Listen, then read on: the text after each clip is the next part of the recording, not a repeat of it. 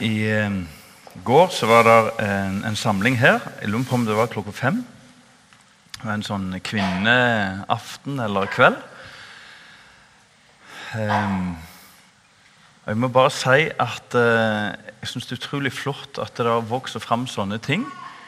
Uh, som er Det er jo helt klart det er jo nådegaver som er i funksjon. Det er ikke å komme forbi.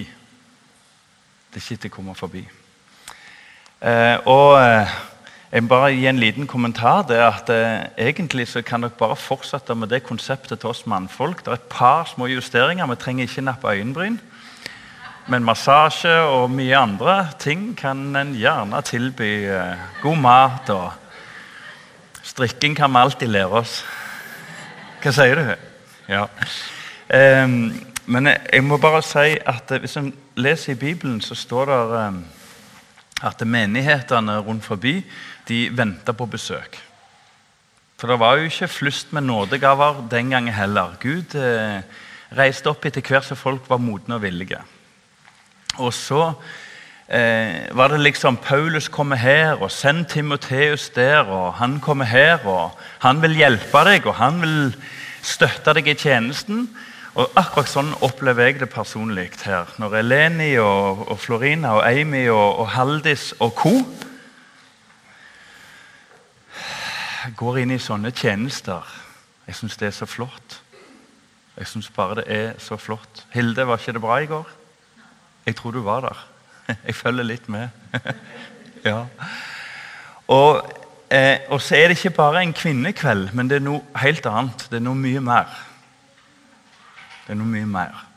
Så jeg tror vi skal være i takkebønn for at vi har fått sånne mennesker iblant oss.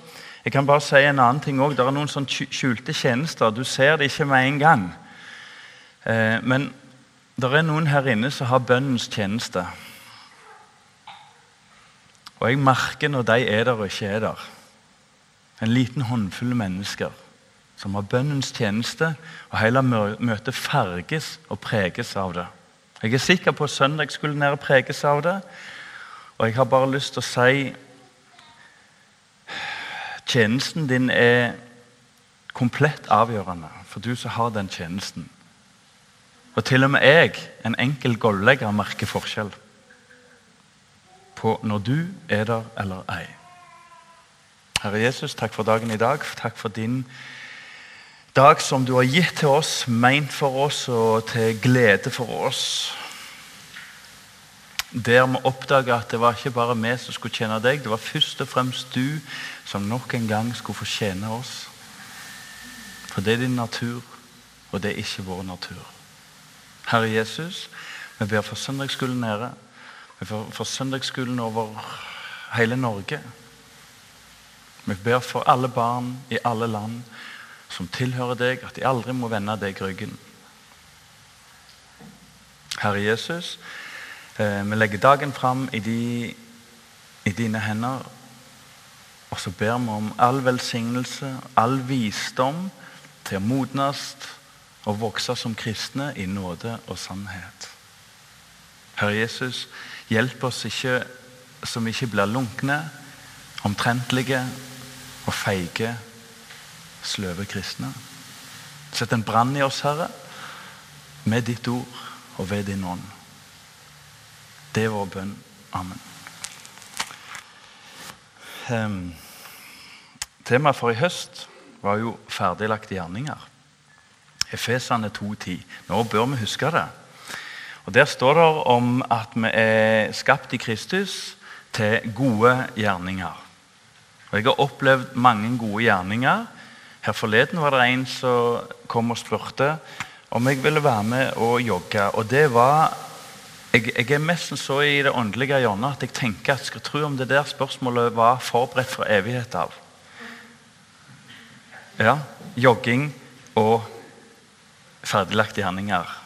Ja, men, men, Gud har sin vei, og, og, og for meg var det en viktig dag. Og en liten tjeneste. Vil du være med, Aslak? En bitte, bitte liten tjeneste. Ja. Og så har jeg lyst til å bare si at det, hva er det som er viktigst med ferdiglagte gjerninger? Er det at du arbeider med mennesker? Eller er det mer det at du og jeg er våken for de mennesker Gud arbeider med? Tygg litt på den. For På et vis så kan de stå begge setningene. og arbeide med mennesker, og be for mennesker, invitere mennesker, være i samtale med mennesker, gjøre gode gjerninger for mennesker. Men samtidig så er det ikke helt det samme. Det er noe med det som er oppdaga i Bibelen, at Gud har forberedt noen mennesker. Han kaller på noen mennesker, og de kalles fredens barn. Det vil si at rett foran beina våre, rett foran tærne, så ligger det noe klart for oss å gå inn i. Og um, jeg syns det har vært utrolig rart de siste ett til to åra. For jeg har bedt litt over dette. For jeg har ligget i de modale hjelpeverber som jeg snakket sist gang om. Skulle, burde, måtte, kunne, ville. Og så ligger det som et slør av dårlig samvittighet og et uforvalta liv. Et uforvalta kristenliv. Og så vet jeg alt jeg skulle ha gjort. Og så vil jeg prøve å komme meg vekk fra den der sjølrusen, den der sjøltabletten du gir deg sjøl, av at ja, vi skulle jo. Og så er det akkurat som det døyves og legger seg åndelig til ro hvis vi bare sier alt vi skulle ha gjort. Og Hvis Gud kan få nappe oss ut av den lovgjerningen og den bondenheten, så minner vi hverandre om at det, det blir noe helt annet når du og jeg kan få være i forventning om at Gud har bearbeida fra evig tid av andre mennesker. Og Da er de gode gjerningene da står de i en helt annen sammenheng. Mm. Da ligger det åpent. Eh, sist uke fikk jeg en tekstmelding fra en kar som jeg aldri kunne tenkt meg var interessert i kristendom. og Så kommer det en liten tekstmelding. 'Hørte du radioandakten i dag?' Aslak? Jeg tror ikke det var fordi han tenkte at du Aslak, først og fremst trenger det. Du, du, du må høre den, Aslak. Du må høre Guds ord. Det er der troen kommer fra. Jeg tror han har grepet den sjøl. Mm. Ok ferdiglagte gjerninger. Og Sammen med ferdiglagte gjerninger så minner vi hverandre om at vi må heise flagg. Eh, prøv å be Gud om noen gode ideer. Eh, jeg fikk jo en kjempeidé Vigdis, som alltid har hatt lyst på mikrofly, og du alltid har absolutt ikke lyst på. Eh, at kanskje det kunne vært en god måte å vitne på, med noe sånn bibeltekster og fly rundt. I bunn og grunn så lurer jeg på om det er fra evig tid av den ideen. Ja. Eh, men så er det noe med det å heise flagg. Fordi at det sammenfaller med de ferdiglagte gjerningene. Det å på en måte ikke leve skjult med Jesus Kristus. Sånn at andre mennesker får sjanse til å gripe et lite poeng, en liten ting. En bibel på dashbordet har jeg funnet kan være greit å, å, å skape noen samtaler av og til. Ok, Vi begynner på temaet. Vi får Johannes 1 og vers 14. Og Ordet ble kjød og tok bolig blant oss, og vi så hans herlighet. En herlighet som den en, enbårne sønn har fra sin far, full av nåde og sannhet. Det er skrevet mye flott på jord, men dette er den høyeste poesi. Dette er de suverent sammensatte ord om det var sant eller usant. Det er ikke skrevet så rikt som dette. Så djupt som dette. Men så er det et levende profetisk ord. Eh, hvis vi begynner her med, for Temaet for, vår, tema for våren nå er jo nåde og sannhet. Og dette at den er full av det. I min og din verden så i, i, i våre sprukne lærkars verden så har vi lett for å tenke at det, det må balanseres, dette. Men verdens enkleste måte å balansere i vekt på, det er jo loddene helt til bunns. Da vet du er balansert. Fylle karet helt opp. Har du to tilitersbøtter og skal, og skal helt likt, ja, fyll til randen, da. ser du Guds rike. Full til randen. Mens du og jeg tenker at det ble litt for drøyt. Det var negativt, eller det var ikke ja, og, og, og, og, nå blir det veldig mye kjærlighet, nå blir det veldig mye tilgivelse her. Og så begynner vi sånn å balansere og synes og menes. Jesus hadde den evnen at han var full sann og full nådig. Og la oss være forsiktige. Selv om ordet nåde kommer først, så skal vi være forsiktige med å kaste oss inn i sterke vektinger av hva Jesus var mest eller minst av. For det er to uløselige ting. Ånden må få vise oss det. At det, sannhet og nåde er ikke to ting du kan rive fra hverandre og ligge og balansere på. For det gjorde Jesus aldri. Han var ledet av selve ånden. Han var ett med ånden. Og han, når han kom og møtte situasjoner, så gjorde han det som han i sin ånd og fra sin far så nødvendig. Og det var mye, mye rart, om en kan si det sånn. Men det er noe her med verset som jeg har lyst til å se på litt først. Og vi så hans herlighet. Har du merka det av og til? Når du møter et annet menneske, så sitter du med en følelse etterpå har denne personen sitt herligheten. Har han sett Jesus? Har han sett korset? Har han sett himmelen i sitt indre? Det er mye som virker som kristendom, men så begynner du å lure på hatsk, bitter, eh, sløv, negativ. Og bak det der tegnet du ser, så begynner du å spørre deg selv et spørsmål. Har han sett Jesu ærlighet, som stråler fram? Det blir tungt å leve på jord hvis en aldri har sett Jesus som stråler fram fra korset, fra oppstandelsesgrav, fra Getsemane, fra Nasaret, fra Jerusalem og bygder og byer omkring. Og ikke minst i eget liv. Eh, men den herligheten den har en bakgrunn, og det er fra Moses. Det er nok her parallellen kommer fra. Husker du når Moses eh, møtte Gud? Det vil si, det kunne han jo ikke, for den som ser ansiktet til Gud, den skal visselig dø, står der. Da er det ikke tvil. Skal visselig dø. Men Moses han fikk jo et helt sånn unikt øyeblikk der når han var i ei kløft, fikk se ryggen til Gud. Og Det han ikke visste selv, var at når han kom ned igjen til sine egne, passe rusta sjøl, så ble de òg rusta. For ansiktet hans strålte sånn at de ba ham om å ta et slør for ansiktet. Det er utrolig hva du kan gjøre med et speil. ikke sant? Du kan blende, du kan sette fyr. Men speil er jo ingenting i forhold til sola. Det vet vi jo. Så Guds avbilding, Guds stråling på Moses, bare det lille ansiktet, var så sterkt at de klarte ikke å se på han. Nå begynner med å få et lite bilde av hva vi har å gjøre. Gud, han som stråler så sterkt at når en ser ryggen på han, så kan ikke andre mennesker se på ansiktet på den som så ryggen.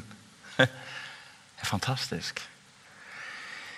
Men jeg har lyst til å gjøre et lite eksperiment her nå. Fordi Johannes, døperen som skriver denne teksten, han, han eh, er jo nå i ferd med å eh, profetere om Jesus. Det har vært 400 år uten et knust i Israel. Det er stein dødt. Det er andre som har vært i mangel av vekkelse før oss. Det skjer ingenting, og så står det fram en mann som heter Johannes døperen. Han raringen som levde i ødemarken, som var så interessant at eh, de sendte folk fra rådet og, og, og andre åndelige ledere ut for å høre hva Johannes forkynner, og hvordan han døper, og hva som skjer. Han står jo framfor Jesus. Hvis jeg nå kan få fram Arnfinn og, og, og, og Sunde, Jon Einar og Stian. Sorry, Stian. Og jeg tror Oddvar. Eh, filler bare en gjeng ingeniører. Oh. Nei, en regnskapsfører. Bra. Ok. ja, ok. Tok dere den? Um, om vi kan få vers 15 Johannes 1,15. Kom her nå. Se nå. Nå er du, nå er du eh, Johannes døperen. Ikke, ikke, han som levde lenge, men han som ble hogget hodet av. Okay. tilfeldigvis. Og så Du er Jesus. Eh, det var det beste jeg kunne finne. ja, Du er Jesus. Og så Dere to er to Oddvar og Stian her på Klepp. Verken mer eller mindre. Nå dere, dere to skal få en oppgave. Fordi Hvis du, Jesus, eh, går bort der, eh, i all respekt eh, ja. Og Johannes døperen står her, og nå har du forkynt lenge. Og her er det to disipler. Opp med hendene, da. Står ikke sånn. Ja, vet du hva? Det er sånn, Når ingeniører kommer og ser på en ting, så står de sånn. Ja, Unnskyld. Jeg, jeg måtte få det fram. Johannes vitner om og roper 'Det var om han jeg sa'. Du kan lese det sjøl. Johannes vitner om han og roper 'Det var han jeg sa'. Han som kommer etter meg. Eh, stopp nå. Eh, nå kan dere løse oppgaven. Hvor skal, døperen, nei, hvor skal Jesus stå nå? Hvis han skal være etter han? Plasser Jesus nå. Skal han være foran han eller bak han? Ja, Hjelp han, da. Ja? Ok, Plasser han der han skal være. Hvis du står framover nå, nå er fremover, ja, ok, fremover kan være sånn, det er helt greit det. Plasser han. Hvor er han hen? Ja. Han som kommer etter meg, ikke sant? Ja. Er kommet Ja, ok. Kan dere plassere han der han skal være? Ja. Fordi han var før meg. Hvor skal han være? Nei, men rent sånn, Nå, dere, nå gir jeg dere en eksegese. Nå, nå på humoren her. Hvor skal han være?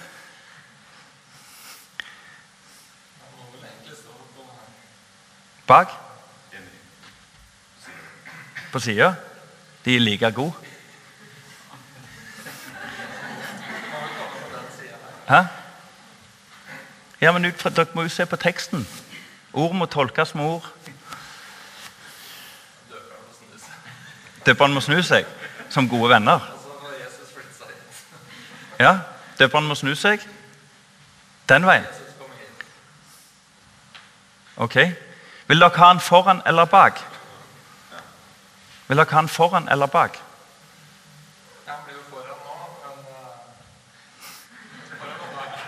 Ok. Du, jeg, jeg, jeg plukket ut dere to, for jeg tenkte jeg kan få lov å gjøre litt tøys med dere. Sorry. ja, ja. Du, vet du hva? Eh, sorry, altså. At det er sånn flåserier, altså. Men ser dere teksten? Det er teksten for våren. Det er kjempespennende. Eh, I oldtid og i gammeltestamentlig tid, og lenge før Abraham, så var det en alminnelig tanke i Orienten som var så alminnelig at han var bang fast. Og det var det at eh, Profeter ble rangert kronologisk. Den som kom først, var større enn den som kom etterpå. Er dere med? Sånn var det bare. Moses var større enn Jeremias. Du tuller ikke med det. Og det er svært viktig. Det legger grunnlag for teologi osv. osv. Johannes døperen har på en måte en liten utfordring, et paradoks, en parallell motsetning som ikke er motsetning. Det er det at eh, Han blir jo kalt av Gud, som det står. Og Så går han foran og så viser han vei for israelsfolket. Og Det som automatisk skjer da, at det er profeten som kommer etter Johannes døperen, for de skjønte jo at dette må være en profet eller noe sånt. Det var det de kom ut for å sjekke. Han som kom etterpå, for de skjønte òg at Jesus var en profet. Det var det der at han var Guds sønn som ble så vanskelig. Da måtte jo han komme etter. Men Johannes døperen han så at dette må ses i lys av det som har vært fra evighet av. Det er helt, helt uaktuelt. Hvis du ser på det greske ordet, så er det helt uaktuelt at jeg skal gå foran han. Jeg skal rydde vei. Og så skal jeg tre til sides. Jeg skal rydde vei i ødemarken, og så skal han komme. Det er en enorm sannhet før vi overhodet kommer i gang om nåde og sannhet. Det er det at det, det er en konge som er fra evig tid av. Og alt handler om han. Det er ikke en blomst, det er ikke et stativ, det er ikke et mikroskopisk fnugg her inne som ikke har sin skapende hensikt i han. Derfor så står det at trærne skal klappe i hendene. Det er ikke ei furu på jord. Det var snålt å se nede fra Japan. ligner jo på Sirdal. vet du. Det er ikke ei furu i Japan som ikke satte spire, om ikke tanken var en gang å ære Han som kommer igjen som den store dommer og konge. Og ikke unnskyld at jeg er til. Var det plass til meg her? Jeg syns det er en fantastisk tekst å begynne med. Herligheten stråler fram, og han som kom etter, han skal være foran absolutt alt i våre liv og, og alt det skapte. Eh, hvis vi går tilbake igjen Nåde og sannhet, 14, eh, vers 14. Eh, I år 70 leste jeg at eh, Pompeius, en hærfører, fikk jo i oppdrag å feie over Jerusalem. Det var en katastrofe. Brant ned og drepte. Og, og, og, og ja, katastrofe for byen. År 70. Det har du gjerne hørt om. Han tok også Syria. Jeg håper vi kristne her våkner opp litt for hva, dette med syriske flyktninger. Det er ikke utenkelig at Gud sender de her til. Kan det òg være en ferdiglagt gjerning? Syria er, er jordens sentrum. Vi er Det er så vidt vi har fått fyr på et bål her oppe. Tenk deg om hva du tenker og sier om syrere på flukt. Men Popeius han eh, feide over disse med sin hær, og så ble han veldig overraska over en ting.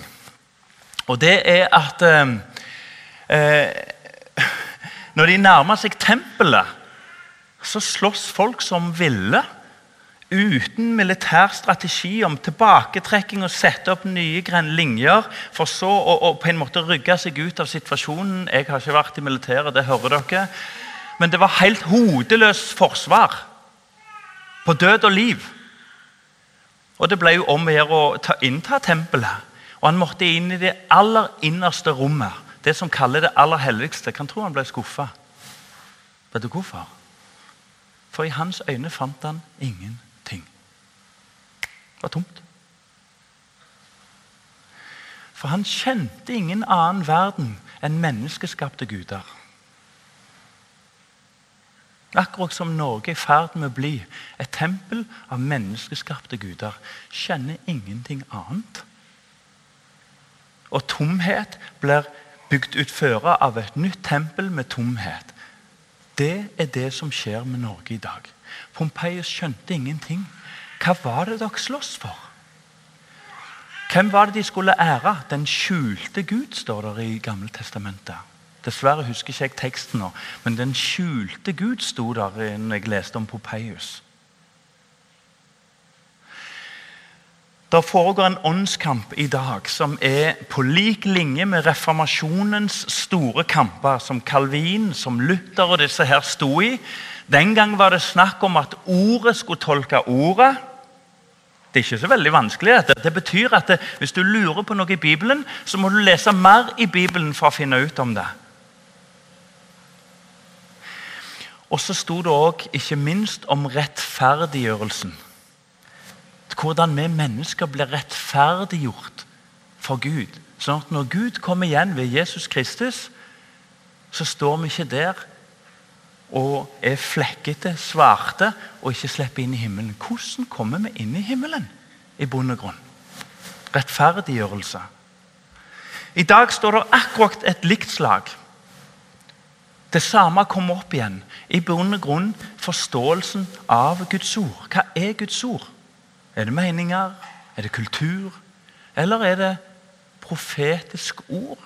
Gitt, bestemt, til en bestemt tid, til bestemte mennesker? på bestemte steder. Ja. Hva er Guds ord? Det er jo helt avgjørende.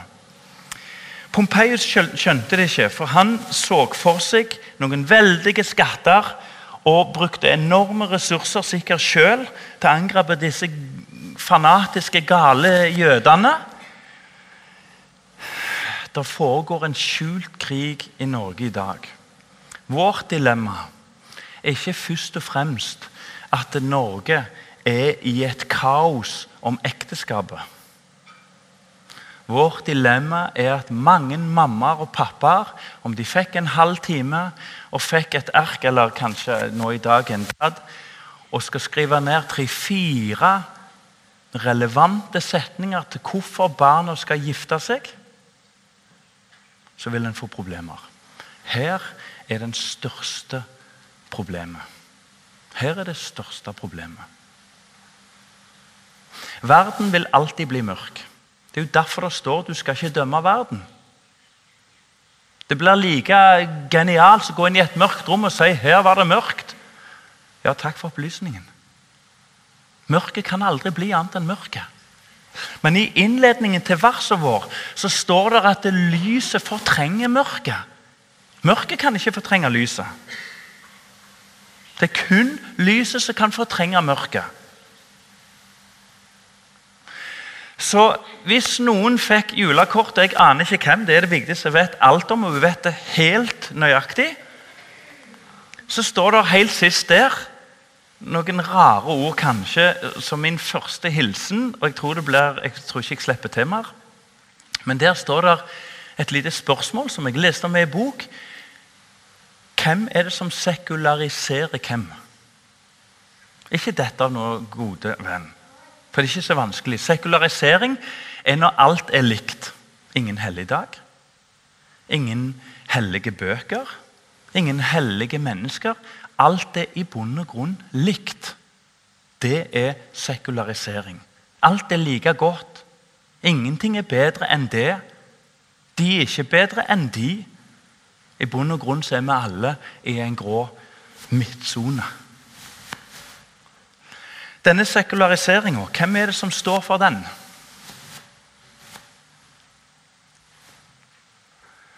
Vet du hva? La oss våkne opp og begynne med en interessant og alvorlig sannhet for oss sjøl. Det er jo de kristne som sekulariserer verden. Mørket kan jo ikke gjøre noen ting. Har jo ikke kraft til å sekularisere noen ting, for den er jo sekularisert. Jeg er hvit. Jeg kan ikke bli noe annet enn hvit. Jeg kan sole meg og prøve lite grann, men jeg er hvit. Ja. Av natur. Sånn Gud har gjort det. Ja. Kan visse politiske partier i Norge sekularisere oss? Selvfølgelig ikke. Det er kun vi som kan sløve oss sjøl. For håpet ligger i lyset.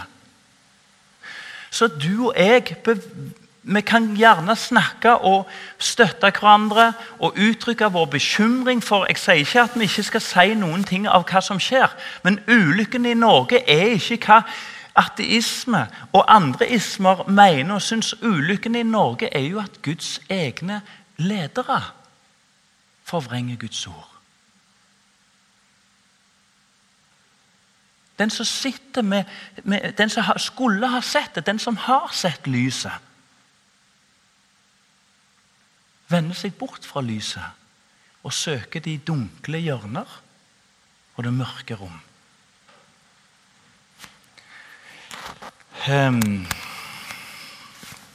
sannhet og nåde. Hvis du på, hvis du, på, hvis du leser, går inn på internett og skriver 'sannhet òg', så kommer det takk og lov opp sannhet og nåde, men det kommer også opp sånne ord som sannhet og løgn. I verden så skiller en mellom sannhet og løgn. Mens du og jeg ser sannhet og nåde sammen. Jeg synes Den er litt interessant hvis du vil spinne litt på den. Men så finner du andre ting òg. Når du slår opp sannhet og, og, og løgn, så får du òg opp veldig fort ord som inkludering og likeverd. Inkludering og likeverd. Det er Norges beste gave til den oppvoksende generasjon. Demokrati, likeverd og, og, eh, inkludering. Mens Bibelen bruker lite tid på de ordene og snakker om nåde og sannhet. Prøv å vekke dem litt. Sett dem litt i sammenheng. Ja. Tidsånd kontra Den hellige ånd. Har du hørt mennesker, og spesielt mennesker som blir oppfatta som kristne? Jan Åge Fjørtoft er for meg en sånn en. Jeg tror han har gjort noe rart når han har satt seg på rom med han der Andreas et eller annet, skikjøreren, som leser høyt fra Guds ord hver kveld på 'Mesternes mester'. Nå kan jeg brife, for jeg har sett 20 minutter av det. Men han sier jo rett ut Jeg trodde vi levde i 2015. Altså, Hva argument er det? Det blir som jeg skal si til Vigdis at eh, vi gjør sånn og sånn, vi lever i 2015. Og så er liksom 2015 legitimt for, for en hvilken som helst mening. Så én ting om Jan Åge Fjørtoft går tøft ut i Aftenposten og sier vi lever i 2015 og argumenterer som det passer han. Men det er når du og jeg ikke klarer å skille mellom tidsånd og Den hellige ånd. Den ånd som åpenbarer sannhet, og den ånd som spør hvor er de andre hen? Er jeg noenlunde i midten? Og så plasserer du deg litt der du vil. Trives du i grensesonen? Ja, vær så god. La oss få opp noen ord om vi kan være grei. Eh, men jeg har bare lyst til å si en liten ting eh, først. fordi det er en ting jeg frykter for denne våren, og burde frykte. La oss ikke bli en forsamling som holder fram sannheten og tenker at der hørte de det. Vi må si det slik det er, og så er vi liksom ferdige. Det var en som, som på en måte i bønnemøtet eh, Mesten profetisk minnet oss om at eh, sannheten må bli for oss. Noe sånt, sa han. Sannheten må bli for oss. Hva er du og jeg tjent med om vi på en måte heiser opp sannheten, snurrer, eh, snurrer, tråden og helst et par ganger rundt stanga, og så fester den, og så går vi og sier nå ser dere det, og så bare går vi vekk. Flagget er heist, og, og, og jobben er gjort. Det var en eh, misjonær som het eh, som var misjonær i Amsterdam, som het eh, Floyd McClung. Han eh, traff noen som hadde vært i India, to unge misjonærer. Og så fortalte de opprørt om hvordan de hadde opplevd India. Avguder i gater, avguder i templer. Og Drar du til Asia, så går det ikke veldig lenge før du ser der er et tempel i nesten hver hage, og i bunn og grunn i hver hage. Eller hver leilighet. Og De var opprørte over løgnen, og det var trist, og det var forførelse, og det var frykt blant folket. De åndelige lederne spredde i bunn og grunn frykt. De hadde bestemt seg her skal flagget heises. Så de gikk rett inn til åndelige ledere De gikk rett ut i gata og sier dette er gale. Så sier Floyd at jeg kjente at de mangla en åndelig gjennomslagskraft som misjonærer. Og Da ble jeg interessert, så jeg måtte lese videre. Og Så stiller han de tre spørsmål. Nummer én har dere fått noen indiske nære venner som dere er på fornavn med? Sannheten i seg sjøl løser ingenting. Men det er når sannheten møter urett fra menneske til menneske, det er da det er påvirkningskraft. Har du fått dere noen ikke-kristne, og det skal jo ikke mye til, indiske venner? Spørsmål nummer to. Er det noe i den indiske kulturen som dere er blitt glad i? Eller er det bare trist og elendighet fra henne til han? Er det ingenting lærerikt? Tenk deg Paulus som reiste rundt. Hva han måtte tåle av en verden som var liten, der det var total forskjell på Efesus og Laudikea, eller hvor han enn kom. Ikke sant? Nå ble jeg usikker på om han var i Laudikea. Det er en annen ting. Setter du pris på kulturen? Er dere søvnløse av og til i bønnekamp? De var i sannhetshjørnet, men de hadde ikke evangeliets gjennomslagskraft der de bodde. Og Det er dette jeg lengter sånn etter i høst. Om dette, om dette herlige budskapet, ferdiglagte gjerninger, kan få ligge for oss gjennom våren nå. Du og jeg får ingen lønn i himmelen for at vi heiser sannheten i seg sjøl. Det er når sannheten møter det fortapte får. De som ikke vet, de som ikke har fått hjertet og tanken opplyst av Den hellige ånd. Det er akkurat likt her. Det er akkurat likt her. Jeg var en gang på et forkynnerkurs. Så ble jeg bedt om å snakke om, om, mål og retning for denne organisasjonen og dette her greiene, og, og be meg om det. De hadde gitt meg en halvtime. Glem det. Så stilte jeg spørsmålet har du ikke-kristne venner. Og har du blitt glad i dem.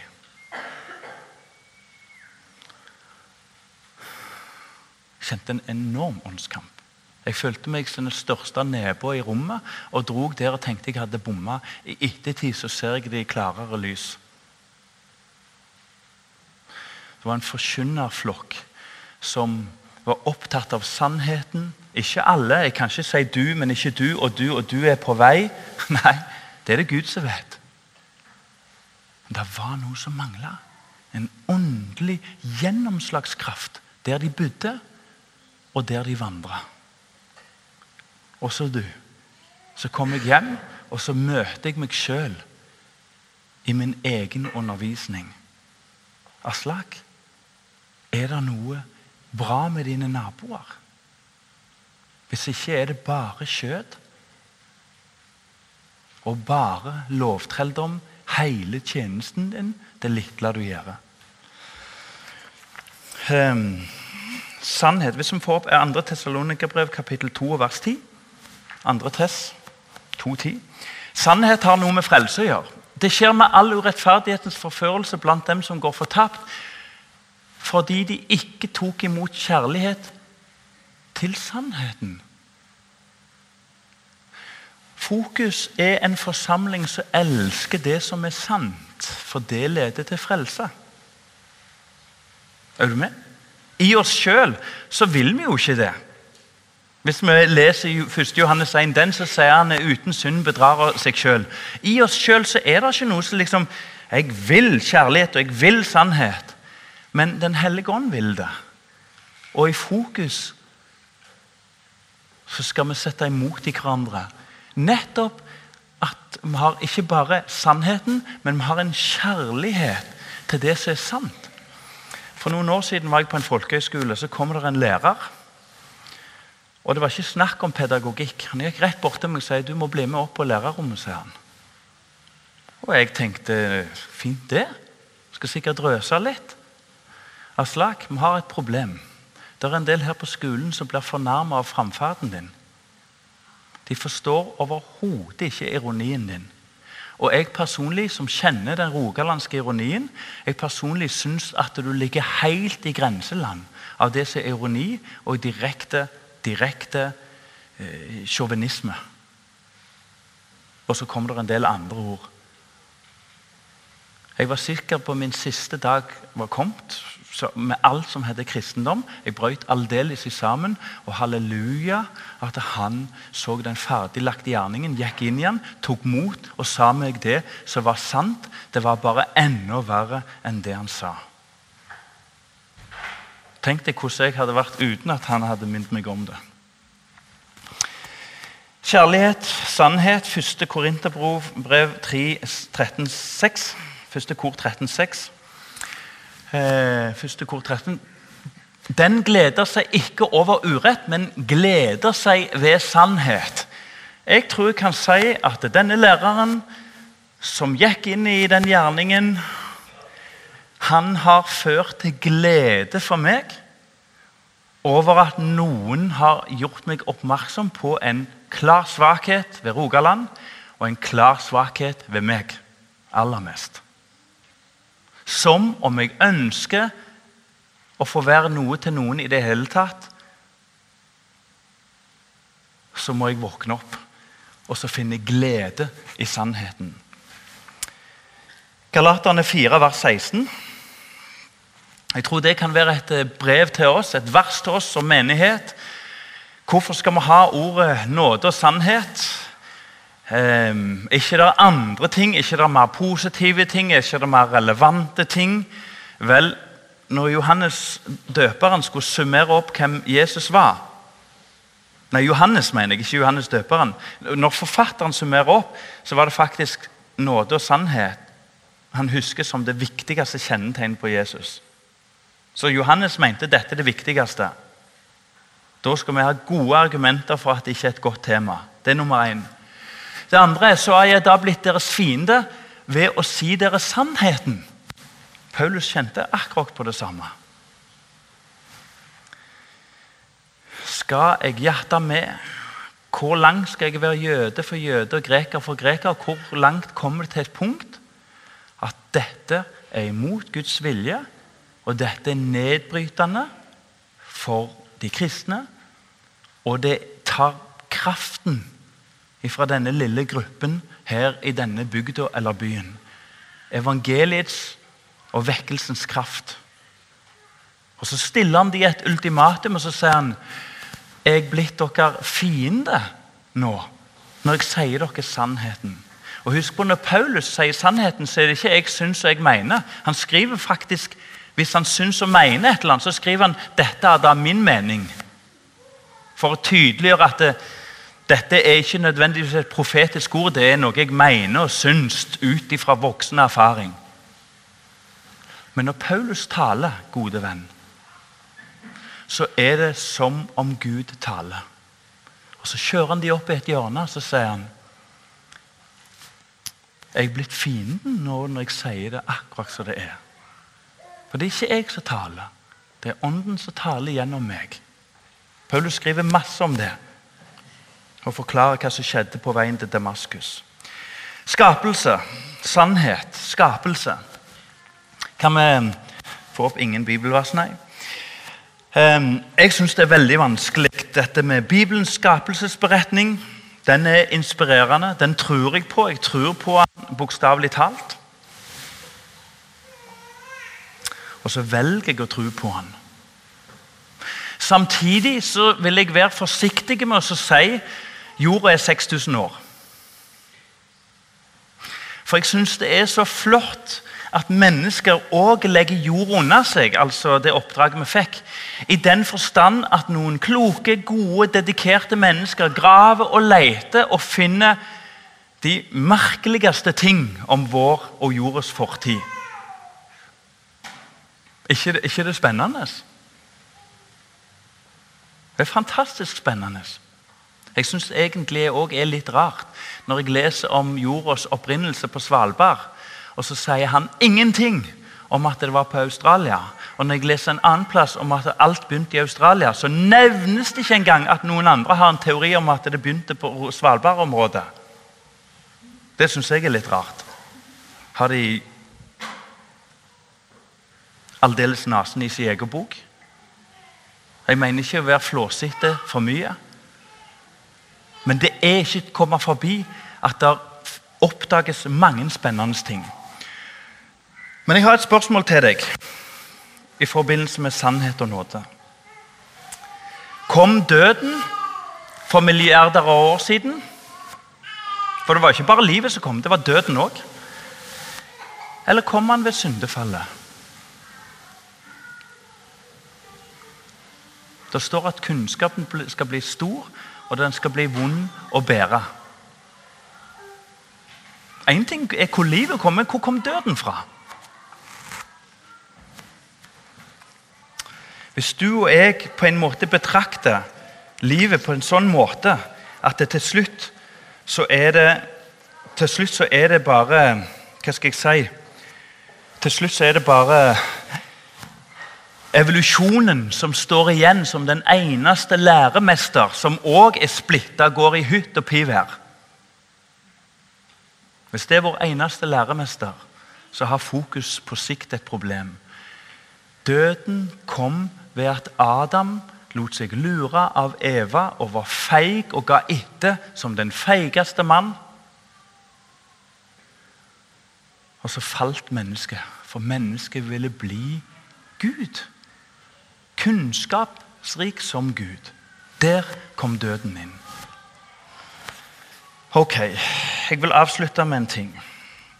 Og fortelle at eh, sannheten i seg sjøl frelser ingen. Men det er denne sannheten og nåden. Har du hørt dette uttrykket 'la nåde gå for rett'? Det er når vi syns synd på folk. Det er når vi tenker at eh, han, han har gjort det, men Og Er det noe foreldre kjenner seg igjen i, så er det begrepet 'la nåde gå for rett'. Nå må vi kjøre igjennom, har vi snakket om mange ganger. Dette må få konsekvenser. Det er jo for galt at han ikke får gå ut i kveld. Kjenner vi oss igjen? Det blir for strengt. Det blir liksom for mye. Og Der bruker vi ordet 'la nåde gå for rett'. Vi vekter nåden høyere enn sannheten. Gud har aldri gjort det. Vet du hvordan Gud vekter det? Han sier 'du er skyldig', og den plasserer jeg på korset. Det er ingen i himmelen som syns synd på mennesker og derfor gir oss framtid og håp. Men ene og alene fordi Jesus og Gud lot ham ramme all synd, står der. Og Rett etter teksten vår så står det et uttrykk som du gjerne har hørt på vekkelsesmøter og fra besteforeldre. Nåde over nåde. Gode venn.